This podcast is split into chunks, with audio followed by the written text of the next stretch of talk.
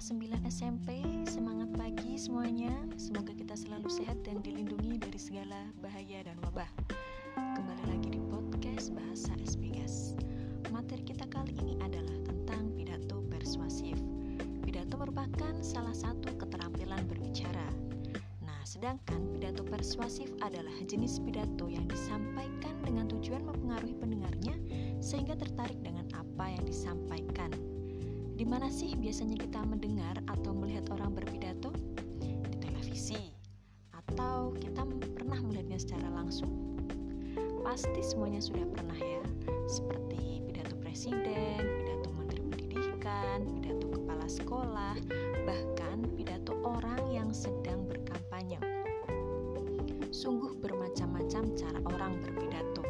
Ada yang memakai bahasa yang halus, ada yang humor atau nasihat dalam pidatonya. Tidak jarang pula menyampaikan himbauan dan ajakan untuk orang yang menjadi pendengarnya. Nah, ketika mendengar atau melihat orang berpidato, apa sih yang kalian perhatikan? Pasti yang pertama, jika kalian melihat orang yang berpidato, kalian akan melihat siapa yang berbicara itu. Bagaimana penampilannya, bagaimana ekspresi wajahnya, Lalu setelah itu kalian pasti akan menyimak intonasi dan informasi yang disampaikan. Kira-kira jika kalian menyimak dengan serius, bisakah kalian memahami isi pidatonya? Pasti bisa ya. Bagaimana pula bahasa yang digunakan oleh orang yang berpidato? Pastinya mereka menggunakan bahasa Indonesia yang baik dan benar serta mudah dipahami oleh pendengar. Tentunya mereka juga melihat siapa yang menjadi pendengarnya. Terutama untuk pidato persuasif yang tujuan utamanya adalah mempengaruhi pendengar agar pendengar melakukan atau mengikuti apa yang disampaikan di dalam pidato tersebut. Dalam berpidato, selain memahami materi, berpidato juga membutuhkan persiapan yang matang dalam segi mental dan keberanian serta kepercayaan diri kita juga harus memiliki kosakata yang banyak dan bervariasi agar cara kita berbicara di depan umum bisa menarik dan memahamkan. Maka dari itu, kemampuan kita berbicara dengan baik dan lugas sangat mempengaruhi pidato yang kita sampaikan. Semakin rapi dan menarik pidatomu, semakin nampak pula wibawamu ketika dilihat oleh orang lain.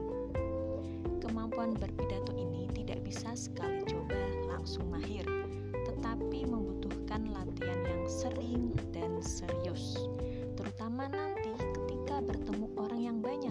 Tentu ini akan membutuhkan mental dan keberanian yang lebih. Jangan sampai nanti saat kita berbicara, kita panik, lupa teks, tergadung dengar sekitar, jadi kalian tertawa di tengah-tengah penyampaian pidato kalian. Bisa jadi kan? Nah, kita akan selalu belajar tentang keterampilan ini. Kalian juga harus sering-sering mendengarkan dan melihat orang yang berpidato. Amati, simak, lalu praktikkan ilmunya. Semakin lama, kemampuan kalian akan terbentuk. Yang penting, niat dan semangat yang serius. Yuk, selalu belajar, jangan malas, jangan malu, jangan ragu. Bahasa SPGAS akan kita ramaikan dengan podcast-podcast yang bermanfaat tentang materi yang akan kita jalani di kelas 9 ini. Jadi sering-sering dilihat, sering-sering amati, sering-sering buka buku kalian dan belajar. Jangan menunda tugas-tugas yang diberikan oleh Bapak Ibu guru kalian. Terima kasih, sampai jumpa di podcast-podcast selanjutnya. Wassalamualaikum warahmatullahi wabarakatuh.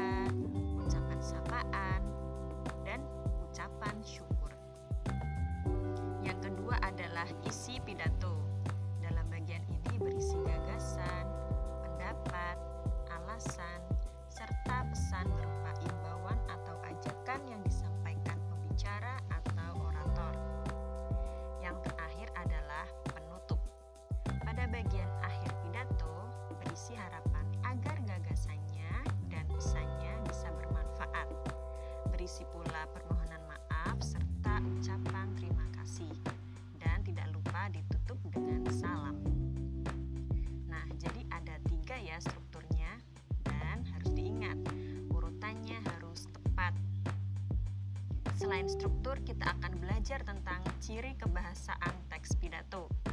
Biasanya yang muncul adalah penggunaan kalimat aktif.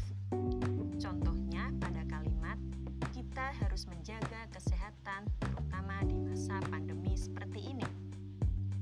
Nah, kalimat aktifnya muncul pada kata menjaga. Ciri selanjutnya adalah adanya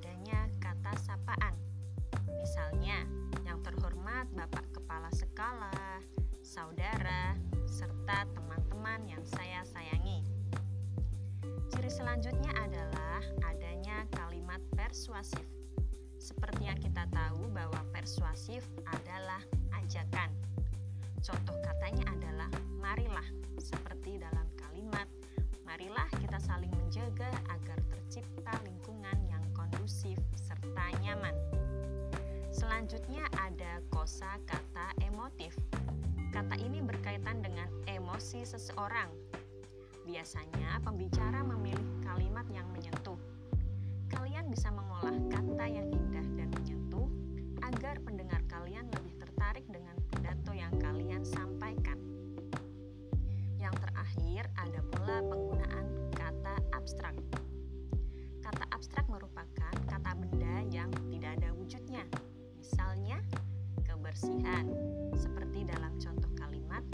Maka kita harus menjaga kebersihan lingkungan agar tercipta kehidupan yang layak dan sejahtera. Itulah struktur dan ciri kebahasaan teks pidato. Sangat mudah dipahami bukan? Setelah mengetahui struktur dan kebahasaannya, nanti akan memudahkan kita dalam membuat teks pidato. Selain itu, teks pidato kita akan lebih mudah dipahami pembaca atau pendengar kita. Semoga kalian yang menyimak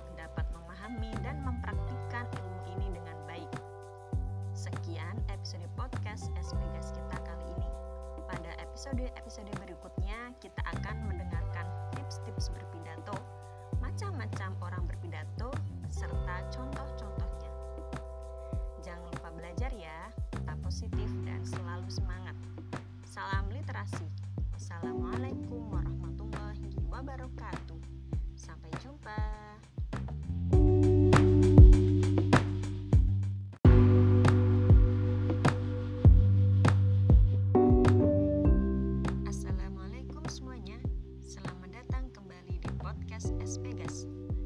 Di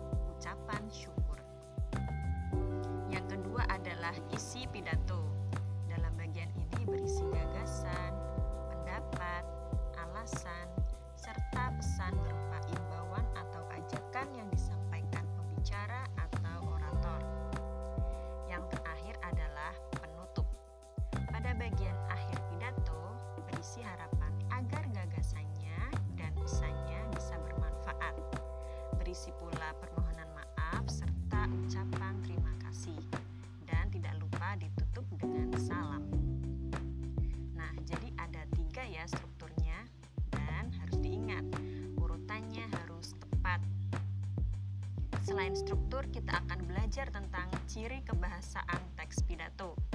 Biasanya yang muncul adalah penggunaan kalimat aktif. Contohnya pada kalimat kita harus menjaga kesehatan terutama di masa pandemi seperti ini. Nah, kalimat aktifnya muncul pada kata menjaga. Ciri selanjutnya adalah adanya kata sapaan. Misalnya, yang terhormat Bapak Kepala Sekolah, saudara, serta teman-teman yang saya sayangi. Ciri selanjutnya adalah adanya kalimat persuasif. Seperti yang kita tahu bahwa persuasif adalah ajakan. Contoh katanya adalah marilah, seperti dalam kalimat marilah kita saling menjaga agar tercipta lingkungan yang kondusif serta nyaman. Selanjutnya ada kosa kata emotif. Kata ini berkaitan dengan emosi seseorang. Biasanya pembicara memilih kalimat yang menyentuh. Kalian bisa mengolah kata yang indah dan menyentuh agar pendengar kalian lebih tertarik dengan pidato yang kalian sampaikan. Yang terakhir ada pula penggunaan kata abstrak.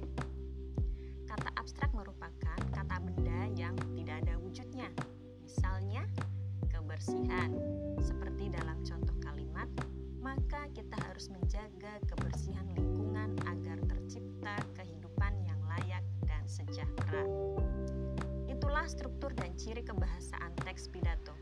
Sangat mudah dipahami bukan?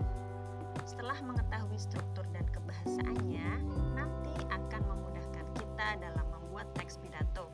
Selain itu, teks pidato kita akan lebih mudah dipahami pembaca atau pendengar kita.